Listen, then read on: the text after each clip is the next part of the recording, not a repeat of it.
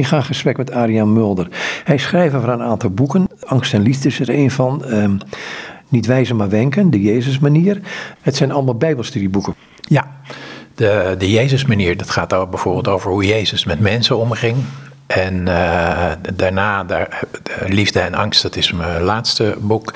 Dat gaat over dat Jezus, die kon dat wel goed. Uh, hij liefdevol met mensen omgaan. Hij kijkt altijd, hij focuste niet op wat mensen verkeerd deden, maar op wat ze nodig hadden. En voor ons is dat een stukje lastiger. En vandaar dat boek over liefde en angst. Want wat belemmert ons om lief te hebben? Nou, is onze angst. Hè? En dat, die treedt op in de vorm van eigen liefde, maar de angst om gekwetst te worden, om beschadigd te worden, om pijn te lijden.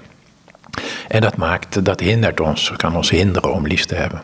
Dus ja, dat soort boeken schrijf ik met een uitleg van bijbelse verhalen, bijbelse teksten. Je kunt jezelf een bijbelstudieleraar noemen. Ik vind dat niet zo'n fijn woord, uh, maar ik weet ook niet zo goed een ander woord. Ik preek en ik geef bijbelstudie en ik schrijf artikelen en boeken en mensen leren er iets van.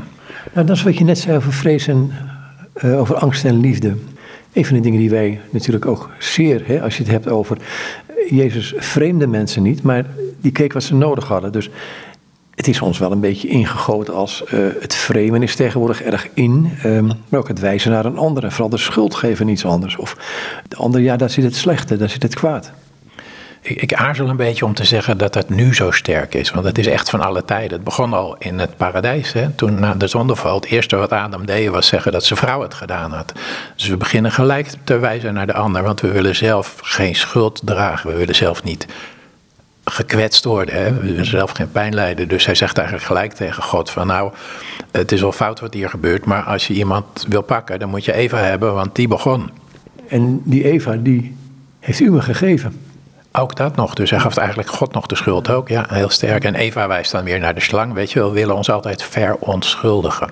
Dus die neiging om naar een ander te wijzen, dat is eigenlijk ten diepste is, dan, is, dat een soort bezwering van onze eigen angst. De angst om gekwetst te worden, om, om de schuld te krijgen, om straf te krijgen, afgewezen te worden, al dat soort dingen.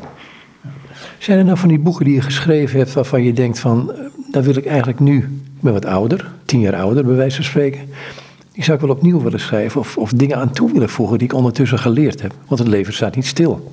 Uh, ja, dat klopt. Omdat je ja, we leren, hè? we blijven leren, dus je inzichten veranderen. En uh, met name van mijn eerste boeken zou ik soms wel zeggen: ik heb een boek gelezen, geschreven over de gelijkenissen. Nou, dus uitverkocht of alleen nog maar als e-book verkrijgbaar. Maar ik heb intussen weer zoveel geleerd en gezien. Uh, dat ik daar nog wel wat dingen bij zou willen vertellen, zeg maar. Maar aan de andere kant ook weer niet. Bijvoorbeeld het boek van de Jezus-manier. Niet wijzen, maar wenken. Dat is nu een jaar of vijf oud. Mhm. En daar krijg ik nu nog steeds, weet je, daar krijg ik reacties op van uh, iemand, een, vader die me vertelt dat hij een totaal verstoorde relatie had met zijn zoon, zijn volwassen zoon. En dat hij na de lezing van dat boek een hele andere benadering van zijn zoon had gekozen. Hè? Niet wijzen, maar wenken. En dat die relatie helemaal hersteld is. Nou, na vijf jaar hoor ik die verhalen nog. Dus daar heb ik niet behoefte om dat dan nog aan te passen. Dat is blijkbaar, is het zo ja, ik zou zeggen effectief, maar dan werkt het, zeg maar. Dus als je in zo'n boek ziet hoe Jezus dat deed en dat je denkt van, hé, hey, maar dat kan ik ook, kan ik in ieder geval proberen. Uh, dus daar, uh, dat is al vijf jaar oud, dat boek, maar die, ik ben heel blij mee dat het is zoals het is, zeg maar. Dan word je wat ouder, die ben nu in de zeventig. Um, zijn er die laatste jaren ook dingen die je leert waarvan je dacht van, hè, nu nog?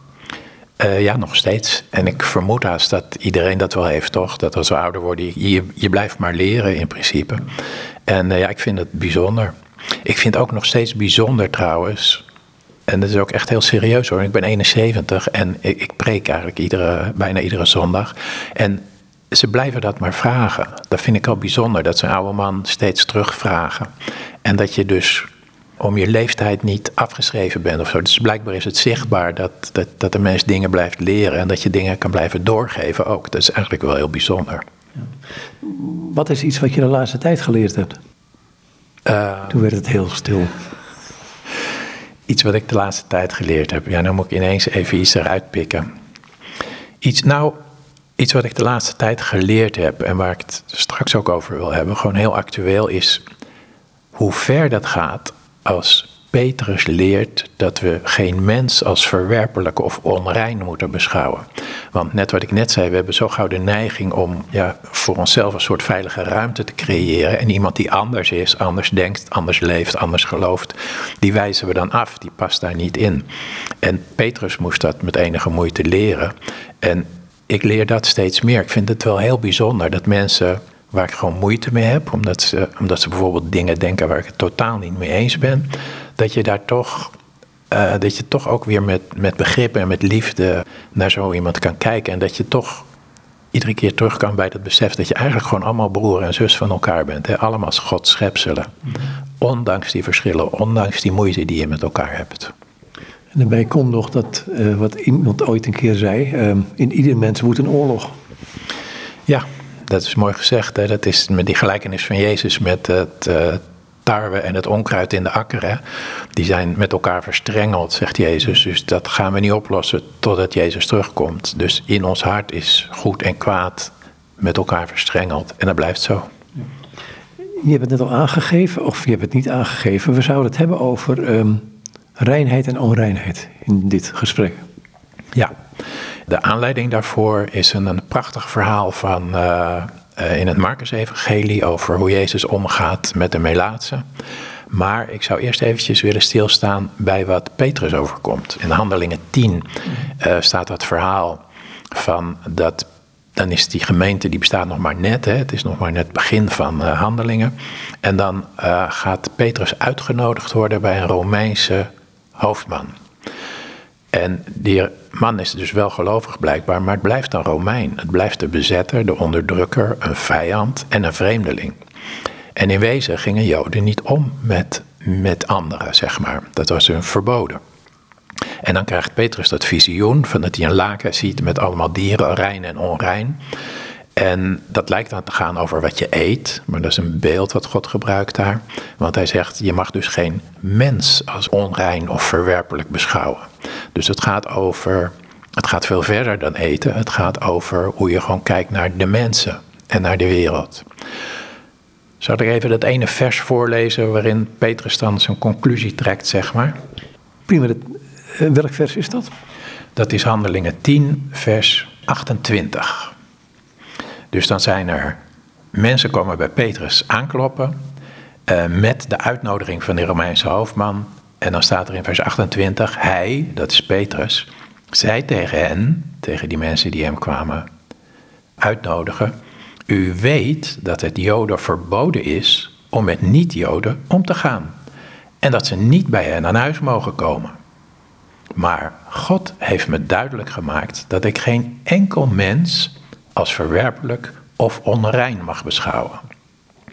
Dus het is heel helder. Hè? De, de wet en de, de, de, leer en de traditie in het Jodendom is: je mag niet met die vreemdelingen omgaan. En, maar God die heeft iets gedaan wat helemaal dwars is. Hij zegt: nee, dat, daar zijn we klaar mee. Uh, je mag geen mens als verwerpelijk beschouwen. Daar zit je al met iets lastig tussen wat eigenlijk gewoon uit de, uit de wet en de profeten, uit de Torah is afgeleid van uh, niet doen. En dat God zo ontzettend duidelijk zegt, wel doen. Weet je wel, bijna alsof God zichzelf tegenspreekt. En daar, daar zit dan een heel lastig iets in. Want hoe moeilijk moet het voor Petrus geweest zijn om dat dan te aanvaarden? Dat hij zijn hele leven is opgevoed van die deugen niet, daar mag je niet mee omgaan.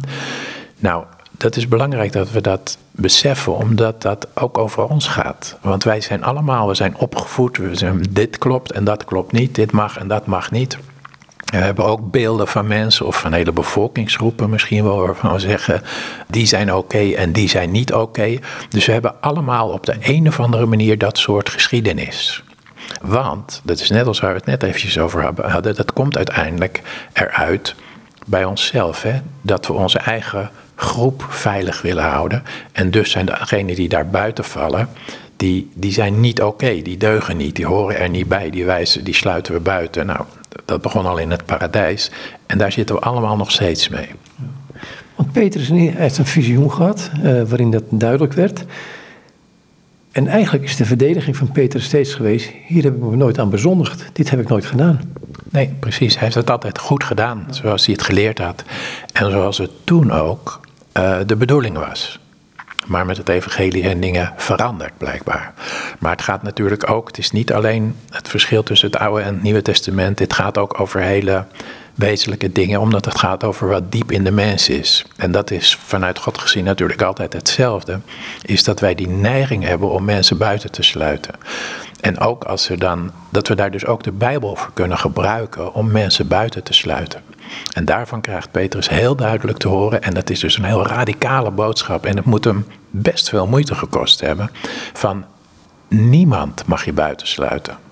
En dat is lastig, hè? want de hele geschiedenis van de kerk is ook vol uitsluiting en buitensluiting. Van jij gelooft anders, jij mag niet. Ik, ik, eh, ben nog weer een ander boek aan het schrijven en daar uh, heb ik het ook ergens over een autodafé. Dat is Spaans en dat betekent letterlijk daad van geloof. En wat was die daad van geloof? Die daad van geloof, dat was door, dat er door de inquisitie ketters verbrand werden. Dus het verbranden van iemand die anders dacht, die anders geloofde, dat noemde men een daad van geloof. Nou, dat is waar dit ook aan raakt natuurlijk, waar het over gaat, is dat als je de ander verwerpelijk vindt, dan op een gegeven moment kan je hem ook gaan verbranden, of in ieder geval buitensluiten, of wat dan ook. En dan denk je dat je iets doet wat God wel gevallig is. Hè? Dat het een daad van geloof is. Nou, dat is dus een enorme uh, verandering die we in ons denken moeten aanbrengen als we dit lezen. Dat we geen mens als onrein of verwerpelijk mogen beschouwen. Nou, in theorie snappen we dat wel, denk ik. Maar hoe gebeurt dat? Wat gebeurt er als die mens, als we last hebben van die onreinheid of die verwerpelijkheid van die ander? Weet je wel, als het in theorie, uh, als je iets op televisie ziet, kan je daar een mening over hebben. Maar als het om je eigen leven gaat, om je buren, om de mensen waar je mee omgaat, mensen op straat, waar dan ook. En als je dan last van hun hebt en hun dan niet als verwerpelijk of onrein beschouwen, kijk, daar komt het dichterbij, hè? daar wordt het lastiger. Hoe ging hij met ehm, deze situatie om? Want er wordt ook iets over beschreven, want er zijn nog meer curieuze dingen in, dan, in het stukje. Um, nou, hoe hij ermee omging, is dat hij, dat hij erop inging. En dat is altijd wel bijzonder, dat gebeurt vaker. We lezen niet zo over zijn eigen worsteling daarmee, want we zien uiteindelijk het resultaat, we zien dat hij het doet. En als hij het dan doet, zie je ook dat het gelijk dat het een enorm effect heeft. Want die hoofdman en heel zijn uh, huis, als alle mensen die bij hem zijn, die komen allemaal tot geloof. En sterker nog, de geest valt op hun staat er. Dus het is heel zichtbaar. Dus God geeft hun wat hij vlak daarvoor ook aan de leerlingen had, aan de discipelen had gegeven. Uh, dat Gods geest op hun viel. Maar wat, wat preekt de preders daar? Want dat vind ik wel curieus, want er zijn nog iets anders in. Nou, hij preekt, uh, God heeft aan de Israëlieten bekendgemaakt dat hij door Jezus Christus het goede nieuws van de vrede is komen brengen. Deze Jezus is de Heer van alle mensen. Nou, dan vertelt hij over wat Jezus heeft gedaan. Maar er staat eerder in het hoofdstuk, staat er ook een stukje van over Cornelius. Een man die veel aalmoezen gaf. Uh, wiens gebeden in, door God en ook daarin door God verhoord werden. Dat is natuurlijk ook een beetje onevangelisch. Nou, inderdaad, het gaat over Cornelius, een centurio, een rechtvaardig man die God vereert en bij het hele Joodse volk in aanzien staat. Dus inderdaad, het was, ja, heel precies wordt het niet uitgelegd, maar het was een gelovige uit de volken. Het was iemand die misschien daar ook met de God van Israël kennis had gemaakt, die haar had leren kennen en die daar blijkbaar door geraakt was, door getroffen was. Dus ja, het was al een gelovige avant la lettre, zou je kunnen zeggen. Dus hij was al gelovig voordat Petrus hem het evangelie uitlegde. Dus God keek naar zijn gezindheid en zijn daden in wezen. Ja, dat is wat hij deed. En ik denk dat God daarom ook hem koos als, als brug, als eerste, als een deur naar, naar het end voor hemzelf. Omdat hij in God geloofde, aan God toegewijd was. Maar ook voor Petrus. En voor de andere broer, broeders en zusters, want Petrus moest daarna wel uitleggen wat hij gedaan had, hè, omdat het natuurlijk wel eigenlijk een flagrante schending was van wat ze gewend waren. Dus ik denk dat dat ook daarom ook een keuze is geweest van God om deze weg te kiezen, zodat andere mensen er ook wat beter mee om konden gaan. Als ik even naar Petrus toe ga, later toch nog een keer goed in de fout ging, um, hè, waar hij met, met de heidenen at, om het zo te zeggen. En dan komen de geloofsgenoten uit de Joden. En dan uh, ja, trekt hij zich toch even heel subtiel terug. Wat Paulus dus behoorlijk heeft uh, neergezet even. Ja, ik vind dat soort episodes vind ik echt heerlijk. Dat, dat dat ook in de Bijbel staat. Gewoon dat wij. Hier doet Petrus zoiets moois en op zoveel plaatsen. En op een aantal andere plaatsen zie je dat hij gewoon heel onhandig of dom doet. Of zelfs iets doet wat verkeerd is, zeg maar. En ja, dan kunnen wij wel zeggen: ja, Petrus deugt niet. Dan gaan we weer met het vingertje wijzen. Maar dat gaat altijd over onszelf natuurlijk. Dat zijn de soort dingen die wij ook doen. Wij geloven in God, wij geloven in Jezus. En wij doen ook domme dingen.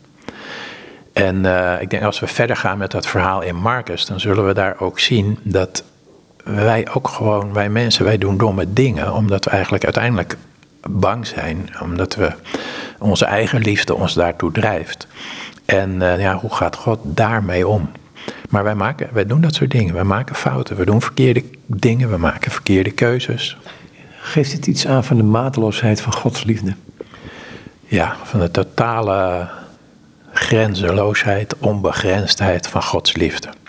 Ik vind, en dat vind ik ook iets dat, wat met de klimmen van de jaren voor mijzelf ook steeds duidelijker is. Weet je wel, ik, ik heb nu het gevoel dat ik wel wat meer geleerd heb en misschien ietsje meer wijsheid heb dan enkele tientallen jaren geleden. Maar aan de andere kant ben ik gewoon ook een kluns die domme dingen doet. En als ik over al die jaren heen kijk, dan zie ik dat God eigenlijk altijd meebeweegt. Ook met onze domheid, met onze tekorten. En nou ja, Jezus is er zelf wel heel duidelijk over. En dat onze Vader zegt hij van dat we iedere dag om vergeving moeten vragen. Dat betekent dus dat hij zegt dat we iedere dag tekortschieten. Iedere dag. En daar zegt hij niet een verwijt bij. Hij zegt niet dat is dom van jullie, dat is slecht van jullie. Hij zegt niet dat mag niet. Hij zegt dat is dus een gegeven en daar moet je het mee doen. En dus moet je dat iedere dag jezelf beseffen en het bij God brengen. Maar goed, je bidt het onze vader als een kind dat het aan de hand van de vader loopt natuurlijk. Ja, precies, als een kind. En, en je blijft een kind. Hè? Er zijn uh, heel veel dingen die we niet beheersen. En net, we hadden het net even over dat goed en kwaad in ons eigen hart. Dat houdt niet op, hè, totdat we bij God zijn. Dus dat blijft zo dat het kwaad gewoon, dat vecht tegen het goede in ons hart. En het goede vecht tegen het kwade. Dus dat blijft zo. En dat pakt uh, geregeld verkeerd uit. Iedere dag, zegt Jezus, iedere dag schieten we tekort in liefde. En God verwijt het ons niet. We mogen gewoon aan zijn hand doorlopen. Ja, is dat het geheim niet? Gewoon opstaan en doorlopen. Beleiden, opstaan, doorlopen. Misschien moet ik het zo zeggen. Ja, en misschien ook ietsje meer leren om jezelf daar niet zo om te veroordelen. Want dat zit, dat zit ook in deze geschiedenis. En er zit in heel veel van die Bijbelse verhalen zit. Uh, dat we zo makkelijk oordelen. Weet je wat, dat maakt ook dat we een ander afwijzen en buitensluiten. Maar we veroordelen ook onszelf zo gauw. We kunnen zo uh, moeite hebben met dingen die we zelf verkeerd gedaan hebben. Maar God laat je hand niet los, zou ik maar zeggen. Die blijft doorlopen hè, in het beeld wat je net gebruikt. Dus als we zouden leren, en, en dat is lastig, hè, want we voelen, vinden dat vaak een beetje bedreigend, dat als je jezelf niet zo veroordeelt, net alsof alles dan mag of zo, hè, daar heeft Paulus het ook over. Maar dat is natuurlijk onzin, dat is totale onzin. Het gaat erom dat, dat je beperkt bent, dat je verkeerde dingen doet. En dat je dan gewoon weer, gewoon weer verder gaat, gewoon omdat God je blijft omarmen. Is dat een normale christelijke leven?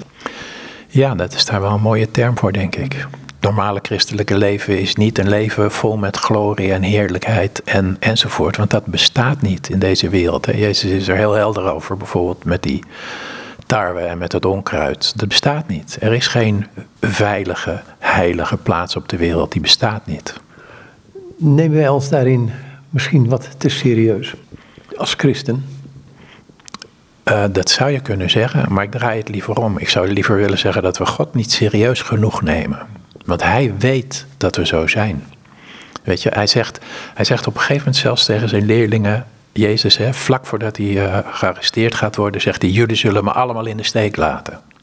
Dat zegt hij natuurlijk niet omdat hij ze dat kwalijk neemt, maar dat zegt hij om te laten weten dat het zo is, omdat hij het begrijpt en dat hij het ze niet kwalijk neemt, maar dat mensen nou eenmaal soms te bang zijn om het goede te doen. En dat geldt voor hun. Hè. Ze waren doodsbang. Want als, als Jezus werd opgepakt, zou dat hun ook kunnen gebeuren. Dus hij weet dat we tekortschieten. Hij weet dat we hem af en toe laten vallen. En dat is wat ik net zei. Dan moeten we God meer serieus nemen. Net zoals we Jezus meer serieus moeten nemen. Dat hij zegt, dat weet ik wel, zegt hij tegen zijn leerlingen. Dat weet ik wel, maar ik laat je niet zitten hoor. Is dat het grote moment van Petrus als hij Jezus verlogent en dan in de ogen van Jezus kijkt en eigenlijk op dat moment wist van hij kent mij door en door en ik weet nu ook dat hij me door en door kent.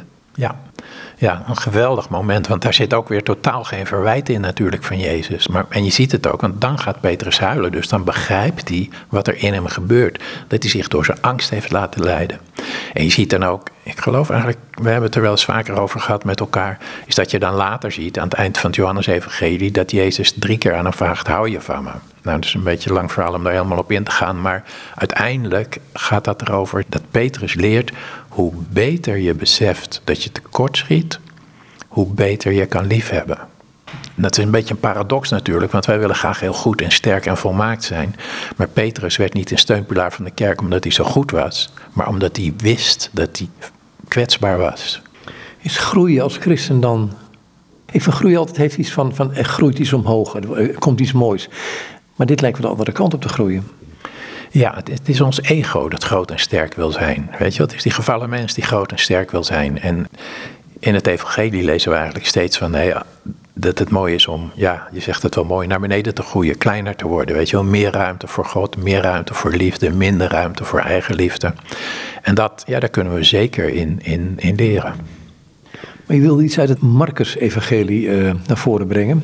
Uh, welk stukje is dat? Want het zou over rein en onrein gaan. Ja, nou dat gaat over, dat staat in Marcus 1 vanaf vers uh, eh, 40. En uh, dat is een heel ander soort geschiedenis, maar het gaat ook over, over onrein zijn. En dat we dus, het is heel mooi om hier in, in het achterhoofd te houden dat we net hebben gelezen dat Petrus van God leert dat hij niemand als onrein of verwerpelijk mag beschouwen. Nou, ik lees eventjes het stukje uit Marcus 1 vanaf vers 40. Er kwam iemand naar hem toe, naar Jezus toe, die door een huidziekte onrein was. Hij smeekte hem om hulp en zei, terwijl hij op zijn knieën viel, als u wilt, kunt u mij rein maken. Jezus kreeg medelijden, stak zijn hand uit, raakte hem aan en zei, ik wil het, word rein. En meteen verdween zijn ziekte en hij was rein. Jezus stuurde hem weg met de ernstige waarschuwing: Denk erom dat u er met niemand over praat. Maar ga u aan de priester laten zien en breng als getuigenis voor de mensen het reinigingsoffer dat Mozes heeft voorgeschreven.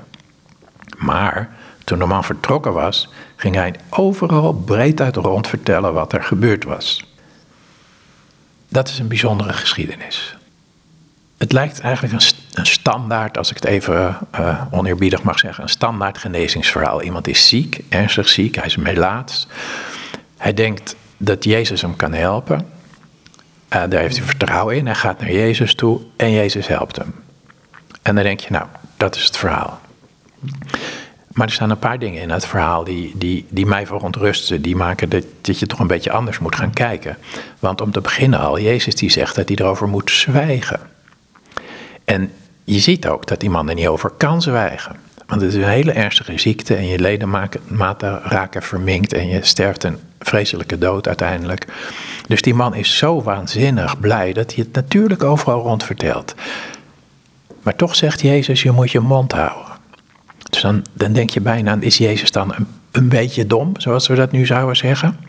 Weet Jezus dat niet? Nee, natuurlijk weet Jezus dat wel. Dat, dat wonder is zo groot dat die man die gaat het rond, rondtoeteren. Dat kan niet anders. Ik denk wel eens aan mezelf, hè, even een zijstapje. Ik ben, uh, lang geleden ben ik bijna tien jaar verslaafd geweest aan verdovende middelen. En uh, een keer bijna dood geweest. En op een gegeven moment ging het zo slecht. Ik dacht, dat gaat verkeerd aflopen. Ik bel mijn moeder. Dat ze me moet komen halen.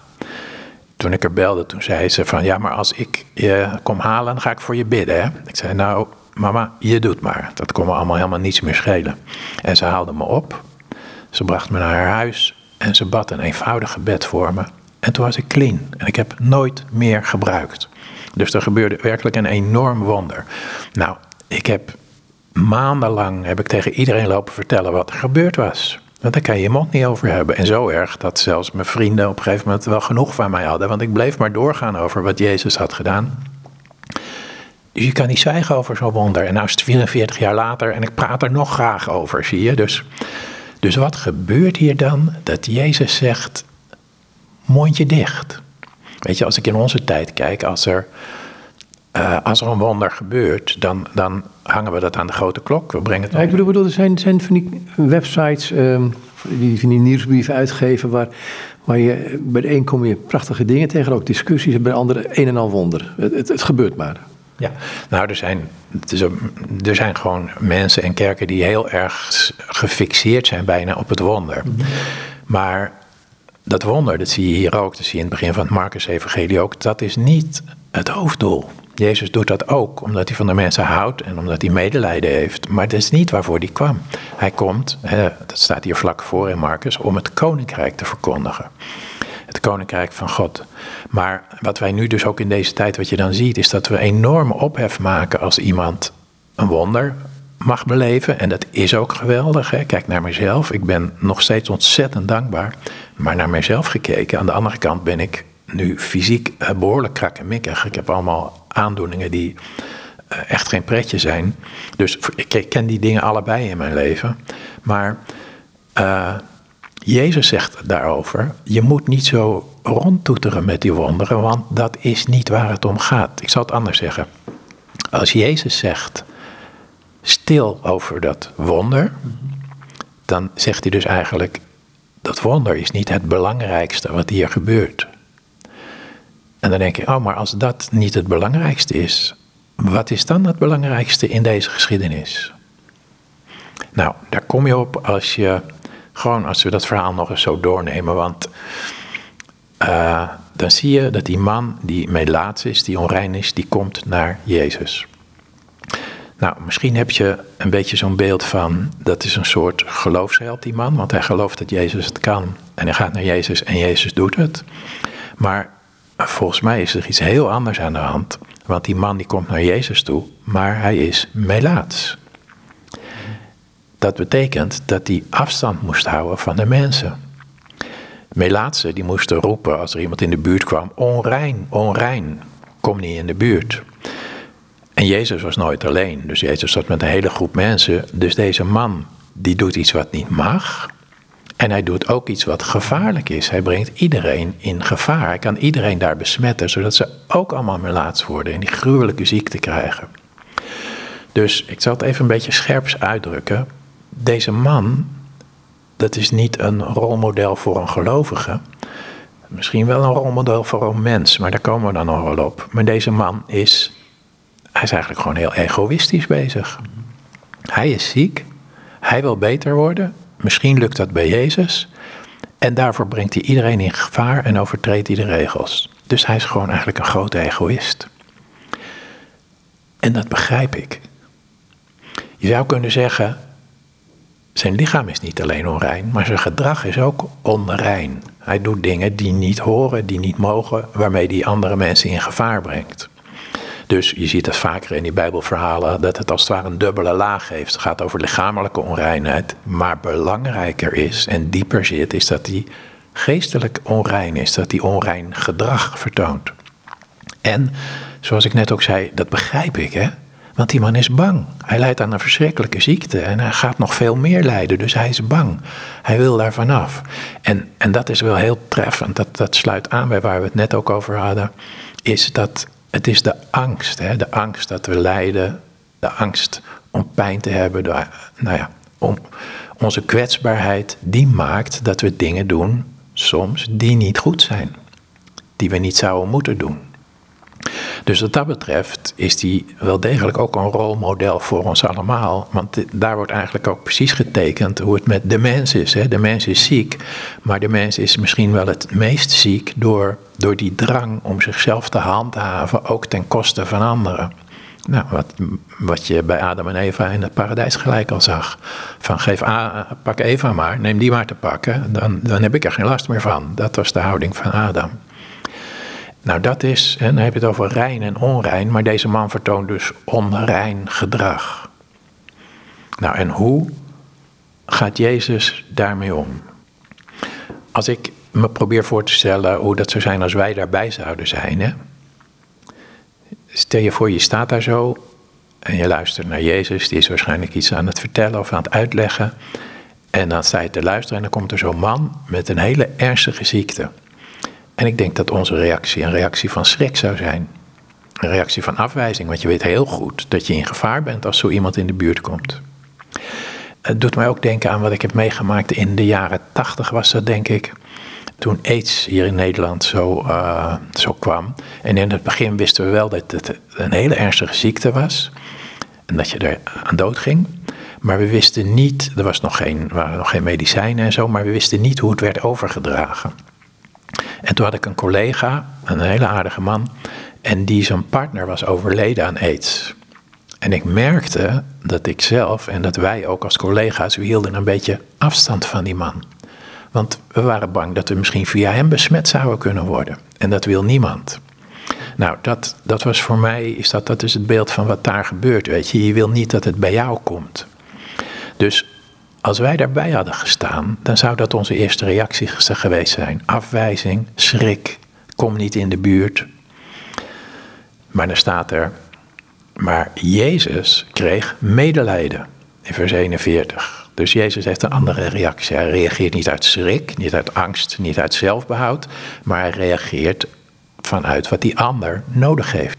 Die man is ziek en Jezus krijgt medelijden. En dat vind ik zo prachtig, die details die zijn soms zo schitterend. Dan staat er, hij stak zijn hand uit en hij raakte hem aan. Maar waarom moest hij hem aanraken? Om hem te genezen? Nee, dat hoefde niet, want Jezus kon iemand met een woord genezen, of door te denken zelfs. Dus hij hoeft hem niet aan te raken, maar hij raakt hem aan. En waarom doet hij dat? Nou, omdat die man een onaanraakbare is. Die is misschien al jaren door niemand meer aangeraakt, heeft van niemand een hand gekregen, kon niet geknuffeld worden. Een beetje zoals in de tijd van de corona, weet je wel. Dat je niemand kon zien en dat je niet met elkaar, dat je niet met je kleinkinderen kon knuffelen, om maar even wat uit mijn eigen leven erbij te halen. Huidhonger kreeg je toen als term. Misschien herinner je dat nog wel. Huidhonger. Mensen die het behoefte hadden om iemand anders te knuffelen. Maar dat deed je dan niet, omdat je, zeker in die eerste tijd, mensen gingen op een vreselijke manier dood. En dat wilde je niet. Nou, als er iemand huidhonger had, dan was het deze man, die Melaatse. En Jezus raakt hem aan. Dus die man, die doet iets wat niet mag. Die man die doet iets wat gevaarlijk is voor anderen. En Jezus raakt hem aan. Hij geeft hem wat hij nodig heeft. Nou, nou is die man, die komt wel naar hem toe met een vraag. Dus hij doorbreekt alle conventies. Hij doet dingen die niet, niet kunnen, die niet mogen, die eigenlijk tegen, tegen de wet ingaan. Maar hij komt wel een vraag naar Jezus toe. Dus los van onze, misschien kerkelijke context, komt er iemand binnen die iets vraagt. Ja. Ja, dat, dat zeg je mooi. En, maar horen wij die vraag nog wel? Want als wij zo schrikken van die manse ziekte en hoe dreigend, hoe vervelend dat voor ons kan zijn, horen we dan die vraag nog wel? Nou, dat is het mooie van Jezus en dat heb ik in, de, in, in mijn boek De Jezus manier ook een heel aantal keren met zulke verhalen laten zien, is dat Jezus hoort niet iemand die lastig is. Jezus hoort niet iemand die gevaarlijk is. Hij hoort iemand die nood heeft, die een, een hulp om hulp roept. En dat is de, deze man ook, ja, hij roept om hulp. In, nou, in de Anglikaanse kerk ook in een gebedsteam zaten wij, hadden wij daar naar het New Wine voorbeeld, dacht ik. En de, het uitgangspunt was altijd als mensen, hè, twee mensen waren daar voor iemand die naar voren kwam, niet om nazorg, maar altijd van datgene waarom men vraagt, bid daarom. Maar er kan ook een andere oorzaak zijn. Ja, die vat ik even niet. Nou, hij komt met een bepaalde vraag, maar hij zegt, Jezus sprak zijn nood aan. Was die nood dan specifiek dat melaat zijn? Ja, voor hem, hij werd gedreven door die melaatsheid. En, uh, maar wat wij zien, en dat hebben we nu eigenlijk al gezien in dit verhaal, is dat voor Jezus was die lichamelijke onreinheid niet het belangrijkste. Wel heel erg. En daar, daarmee helpt hij die man ook. Maar uiteindelijk, dat zien we aan hoe, die man met, hoe Jezus met die man omgaat, is dat zijn onreine gedrag, dat Jezus daar ook niet van wegschrikt. Dus dat Jezus, ondanks dat hij onrein gedrag vertoont, hem niet als, even de woorden van Petrus, niet als onrein of verwerpelijk beschouwt, maar als iemand met een nood.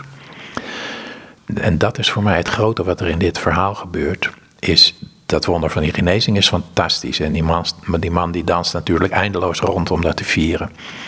Maar wat nog groter is, is hoe Jezus omgaat met het verkeerde gedrag van een mens. Weet je, als wij daarbij hadden gestaan, hè, dan hadden wij daar mening over gehad. Hadden wij gezegd, dat mag niet hoor, wat jij doet. Dat is verboden, hadden we tegen die man gezegd, denk ik, dat soort dingen.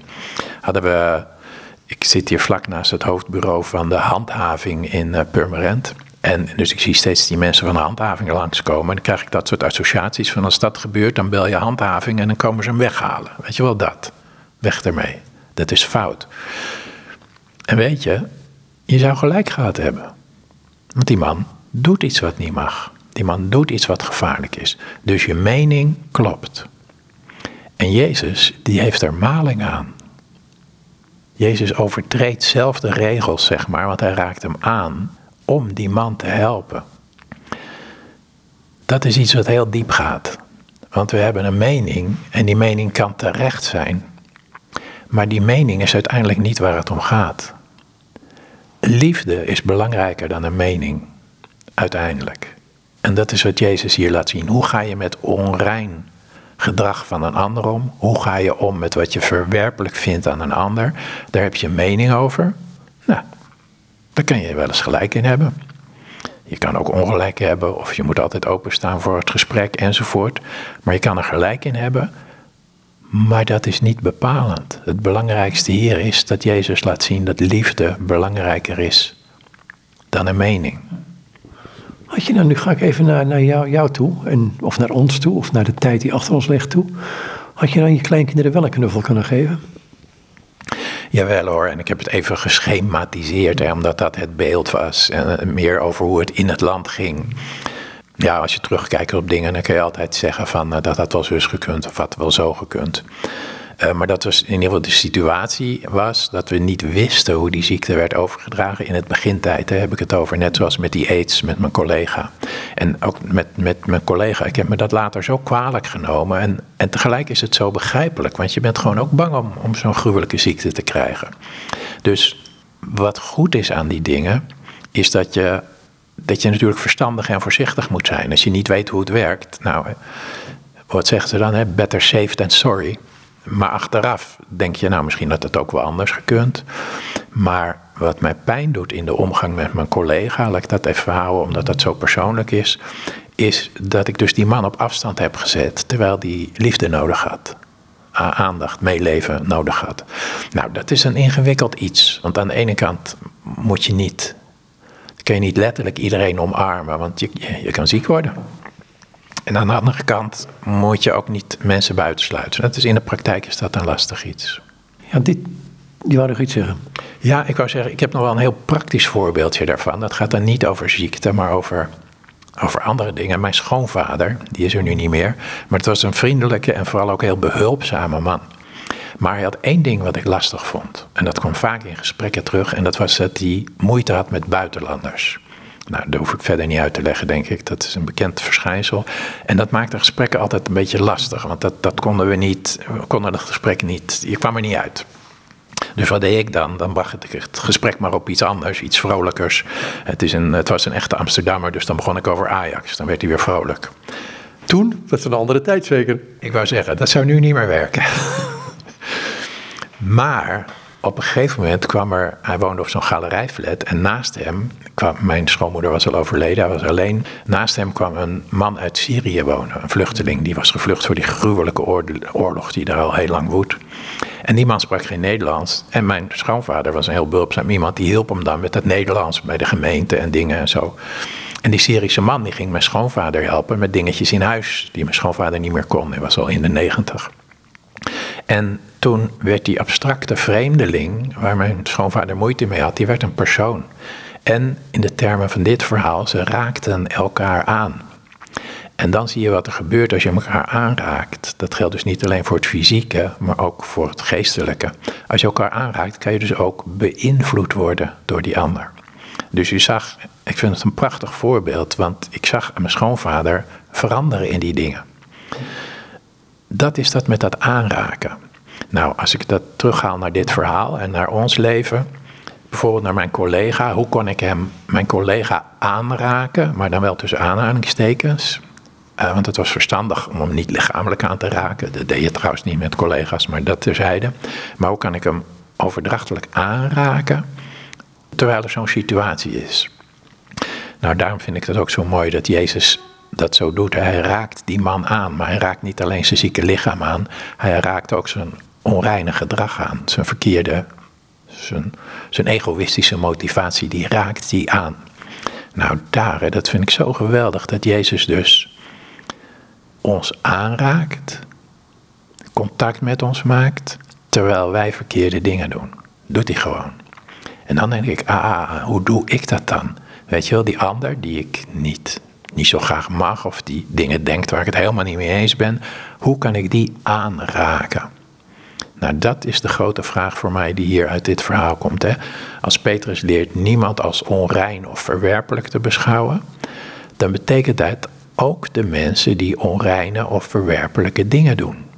Heel simpel natuurlijk, het is het evangelie. Je vijanden liefhebben. Hè? Dat is de term die we daarvoor gebruiken. Hoe raak je de ander aan? Ook als je grote moeite hebt met wat die doet. En ook, net als in dit verhaal, als je er eigenlijk gelijk in hebt. Als je mening klopt dat die ander iets doet wat niet deugt. Nou, dat vind ik in dit verhaal een hele, hele diepe vraag. Die ons dus allemaal ja, toch wel heel erg aan het denken moet zetten over ons eigen gedrag. Hoe uitte dat zich in het gedrag van deze Melaatse? Nou, hij deed niet wat Jezus hem vroeg. Hij deed wel, en dat is wel heel treffend hoor. Jezus heeft het over dat hij naar de priester moest gaan, weet je wel. Dat was de, de, het ritueel wat nodig was om hem weer zijn plek in de maatschappij terug te geven. Want anders moest hij apart blijven. Dus dat was zijn brevet van gezondheid, zou ik maar zeggen. En dat is ook wat je dan ziet bij die man, is dat hij direct zijn plaats tussen de mensen weer uh, inneemt. En dat is natuurlijk gewoon omdat hij heel erg blij is. Maar ja, wat we niet weten is hoe dat dan later gaat. Weet je, want dat geldt voor ons allemaal. Als het wonder gebeurt, dan zijn we ontzettend blij en dankbaar. Maar er komt ook weer een tijd dat het leven wat ingewikkelder is.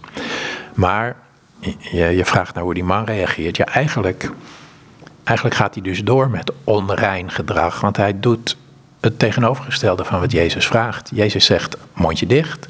En hij gaat het overal rondbazuinen. En je ziet dan ook, uh, dat hebben we niet helemaal gelezen, maar dan zie je verderop dat Jezus daar last van heeft. Want omdat die man dat allemaal gaat vertellen, komen er drommen, drommen, drommen mensen naar Jezus toe. En kan die niet meer gewoon zich overal vertonen.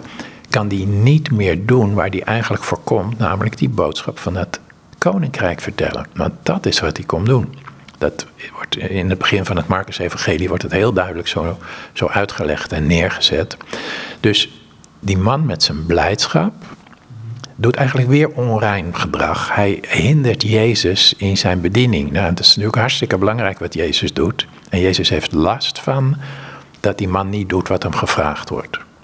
En de andere kant is natuurlijk dat we allemaal begrijpen dat die man het niet kan.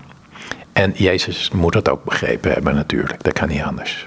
Het is wel eens eerder gebeurd bij de dingen die hij deed, hè? dat mensen het, een verbod kregen om het te zeggen en het niet rondbezuinden. Maar hier zit nog iets anders in. Ik moet denken aan de huidige tijd.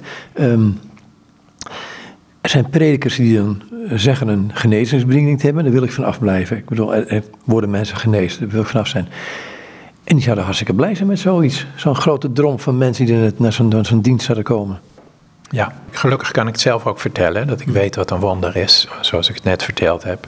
Maar ik lees hier heel duidelijk, maar je ziet het helemaal in de evangelie en zeker in het Marcus-evangelie heel duidelijk, is dat is niet de focus van Jezus zijn bediening. Dat is niet wat hij komt doen. Dus hij wil niet dat de aandacht daar naartoe gaat.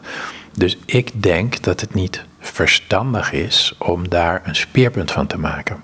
Ik denk wel dat het goed en normaal is om te vragen om genezing. Dat, dat is normaal natuurlijk. En, uh, maar de boodschap is, is dat het koninkrijk is gekomen. Nou, dat gaan we hier niet helemaal herhalen, maar daar hebben we het wel eens vaker over gehad, hoe dat koninkrijk dan in ons eigen leven vorm krijgt. Dus net zoals Jezus, die focust niet op die. Weet je, dat zien we in dit verhaal heel sterk. Hè? Want in de eerste lezing denk je misschien, oh wat goed, een man met geloof en Jezus beloont zijn geloof. Maar dat is dus niet helemaal niet waar het om gaat. Want Jezus focust niet op die genezing. Dat geeft hij hem als extraatje. Wat is dat koninkrijk dan? je zegt, we gaan het niet helemaal uitleggen, maar het is toch wel handig om misschien toch een aantal dingen daarover te vertellen. Want je noemt de, term steeds, alleen, ja, wat is dat? En, en wat moet ik daarbij voorstellen? Wat is die boodschap? Nou, het mooie is, dat begint gelijk al in, in eh, Marcus 1, als Jezus, staat er dat Jezus gaat preken en dan zegt hij, Uh, hij gaat het goede nieuws vertellen, staat er, het evangelie. En dan zegt hij, het koninkrijk is... Even kijken hoe het er helemaal letterlijk staat. Oh ja, Marcus 1, vers 15. Dit was wat hij zei, wat Jezus zei. De tijd is aangebroken, het koninkrijk van God is nabij. Kom tot inkeer en geloof dit goede nieuws. Dus dit is wat Jezus spreekte. Zo beschrijft Marcus het. Heel kort en duidelijk. Maar Jezus zegt: het koninkrijk is nabij. Maar hij legt niet uit wat het koninkrijk is. En als je erover nadenkt, doet hij dat nooit. Hij heeft het nooit over het koninkrijk is dit en dat en zus en zo. De manier waarop hij over het koninkrijk spreekt is in gelijkenissen. Hij zegt wel, het koninkrijk lijkt op dit, het koninkrijk lijkt op dat. Weet je, de gelijkenis waar we het net over hadden, van die tarwe en, die akker, eh, van die tarwe en het onkruid in de akker. Dat, daar begint Jezus mee. Het is met het koninkrijk van God als een mens die goed zaad zaaide en, nou enzovoort. Het hele verhaal. Dus hij heeft het steeds over het koninkrijk. Het lijkt op dit en het lijkt op dat. Maar hij definieert het niet. Dat doet hij natuurlijk ook bewust. Dus in ieder geval is het duidelijk dat hij niet een soort leer over het koninkrijk kon brengen. Van het zit zus en het zit zo. En die, die behoefte hebben wij vaak wel een beetje om dat dan allemaal zo te definiëren. Wat hij wel zegt, is dat hij zegt bijvoorbeeld tegen iemand uh, die vraagt wat het belangrijkste is, een, wet, een wetgeleerde, dan, zegt, dan is het antwoord van uh, God liefhebben en je naaste als jezelf. En dan zegt Jezus tegen hem, je bent vlakbij het koninkrijk. Je bent er vlakbij. Dus als je weet dat de boodschap van Jezus is, dat de boodschap van God is, God en de naaste liefhebben, dat is de kern, dat is gewoon alles, dat is de basis. Als je dat weet, dan ben je dicht bij het koninkrijk, maar je bent er nog niet in. Nou, daar, daar wordt het ingewikkeld. En dan zegt Jezus ook weer tegen, zegt Jezus op een gegeven moment, het koninkrijk is bij je, het is te midden van je, het is in je, dat kan je verschillend vertalen.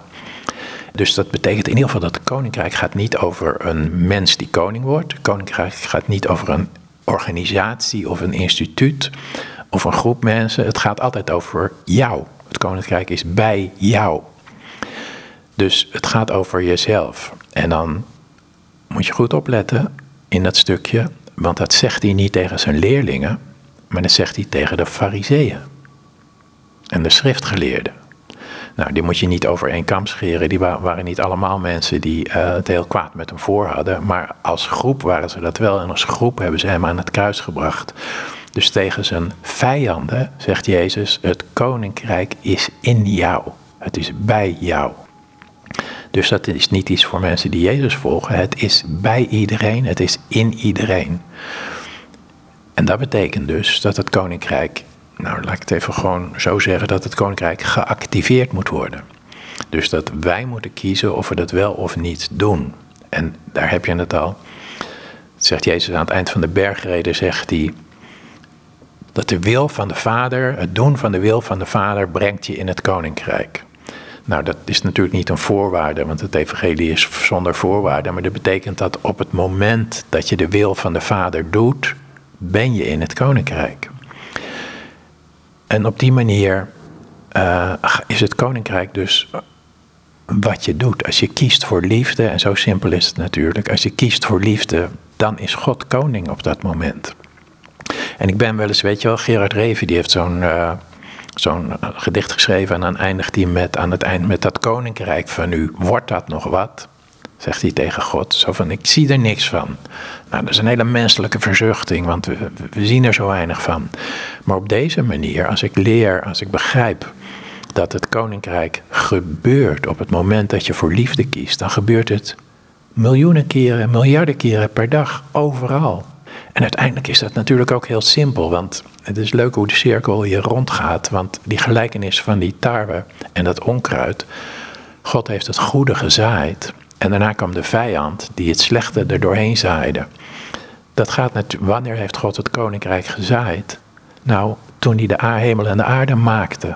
En daarna kwam de boze en die zaaide wat anders. Dus dat koninkrijk van God is er al vanaf het begin. Nou ja, net zoals Jezus dan tegen die schriftgeleerden en de fariseeën zegt.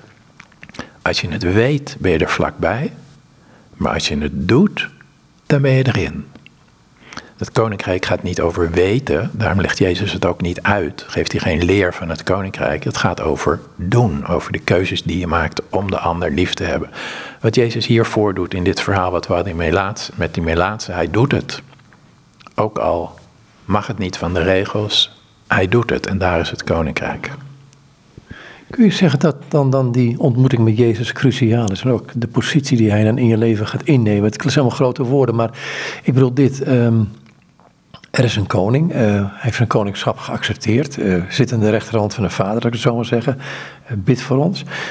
Is die vertrouwensrelatie een, een, een belangrijke erin? Jawel, heel erg, want net als in het verhaal wat we gelezen hebben van die Melaatse en al die andere dingen, en ook in de geschiedenis van Petrus, het is Jezus die het mogelijk maakt. Het is Jezus die de weg naar het koninkrijk wijst, zeg maar. En uiteindelijk, hè, uh, als Jezus terugkomt, ook in die gelijkenis van die, van die akker, dan wordt, er, dan wordt goed en kwaad, dan wordt het eindelijk afgedaan met het kwaad. En voor die tijd niet. En tot die tijd is hij, is, hij heeft het zichtbaar gemaakt. Hij heeft het ons mogelijk gemaakt. Hij heeft het geopend. Hij heeft het ons mogelijk gemaakt om daarin te wandelen, zoals we dat noemen. En wat ik daar zelf wel heel erg belangrijk bij vind, en dat zie je bij Petrus ook, hè, waar we het net over hadden. Petrus weet de weg en hij gaat ook naar mensen toe die onrein en verwerpelijk zijn, hè, hun vijanden eigenlijk. En dat gebeurt later nog heel vaak. Dus hij raakt de ander aan in de termen van dit verhaal. Ook al stuit hem dat misschien tegen de borst. En ja, dat kan alleen maar door Jezus. Want als je het bij ons laat, dan, dan is dat, weet je wel, dan is die eigenliefde zo sterk. En het is Jezus die ons helpt om die eigenliefde te overstijgen. Had Petrus daarom toen hij bij Cornelius kwam, de ruimte ook voor Cornelius om hem binnen te laten komen? Of bij elkaar, dat ze bij elkaar konden binnenkomen? Uh, nou, blijkbaar wel, ja. En bij, voor Cornelius was het al duidelijk, want die geloofde al in die God. En die kreeg een afgevaardigde van die God, zeg maar. Dus die was daar blij mee, dus die stelde zich daarvoor open. En Petrus moest dus wel heel nadrukkelijk door God erop gewezen worden. Stel je open voor die ander. Nou ja, wat ik net ook zo eigenlijk ook, al is het de bezetter van je land, hè, hij mag zelf wel een goed mens zijn, of een, een welwillend mens zijn, maar hij vertegenwoordigt wel die onderdrukkende macht. Hij was onderdeel van het leger wat Jezus had gekruisigd. En toch zet je hart daarvoor open. Ik denk dat dat de boodschap is, uh, iedere keer weer voor ons allemaal. De boodschap ook van het rein en onrein en dat niemand verwerpelijk is. Weet je, mij helpt het gewoon heel erg om, om scheiding te maken tussen dat verwerpelijke gedrag van die ander en dat die ander voor God niet verwerpelijk is. Nee, ik ben ook niet voor God verwerpelijk. En ik ben een mens die fouten maakt, die dingen verkeerd doet. Ik ben, een, ik ben een sukkel, zeg ik altijd maar. En God verwerpt mij niet. En God verwerpt die ander ook niet. Die Romeinse hoofdman niet. Die buurman van jou die zo lelijk tegen je doet. Die persoon, nou, you name it, hè, noem maar op. God verwerpt hem niet. En ik vind het gedrag van die ander misschien soms verwerpelijk. Ik kan er gelijk in hebben. Maar ik ga niet die ander verwerpen. Ik wil proberen om hem aan te raken in overdrachtelijke zin. Nou staat er in die tekst die je net las uit Marcus 1, um, dus over het koninkrijk van God is nabij. Komt het één keer en gelooft dit goede nieuws. Is dit het goede nieuws? Of misschien moet ik vragen, wat is dan het goede nieuws? Ja, het goede nieuws dat is een letterlijk vertaling van evangelie. Hè? Dat is een Grieks woord dat letterlijk goed nieuws betekent. En uh, goed, als we, oh, we gewoon weer even teruggaan naar de schepping, dan maakt God de schepping en zegt het is goed, het is goed, het is goed. Goed, dat is eigenlijk wat leven mogelijk maakt. En kwaad is wat leven onmogelijk maakt. Dat heb ik een keer jaren geleden gelezen. Ik vond een prachtige definitie. En je ziet dat God het leven mogelijk maakt. En je ziet dat zijn tegenstander het leven moeilijk maakt. Weet je wel, met het onkruid in die akker. En het goede nieuws is dus het nieuws dat leven mogelijk maakt. Nou, die dingen waar we het nu over hebben. Als we de ander kunnen aanraken. Als we dat durven. Als je Zoals mijn schoonvader contact durft te maken met iemand waarvan je eigenlijk denkt, die moet ik niet. Dan maak je het leven voor die ander mogelijk. En eigenlijk voor elkaar, want het heeft heel vaak een wederkerig effect. Dus het leven wordt meer mogelijk. En dat is goed. Dat is, dus dat is het goede nieuws. Dat is het nieuws dat het leven mogelijk maakt. En dat ons helpt om het leven voor de ander mogelijk te maken. Weet je, die, die neiging om om, om af te wijzen, om buiten te sluiten, betekent dat je het leven voor de ander onmogelijk maakt.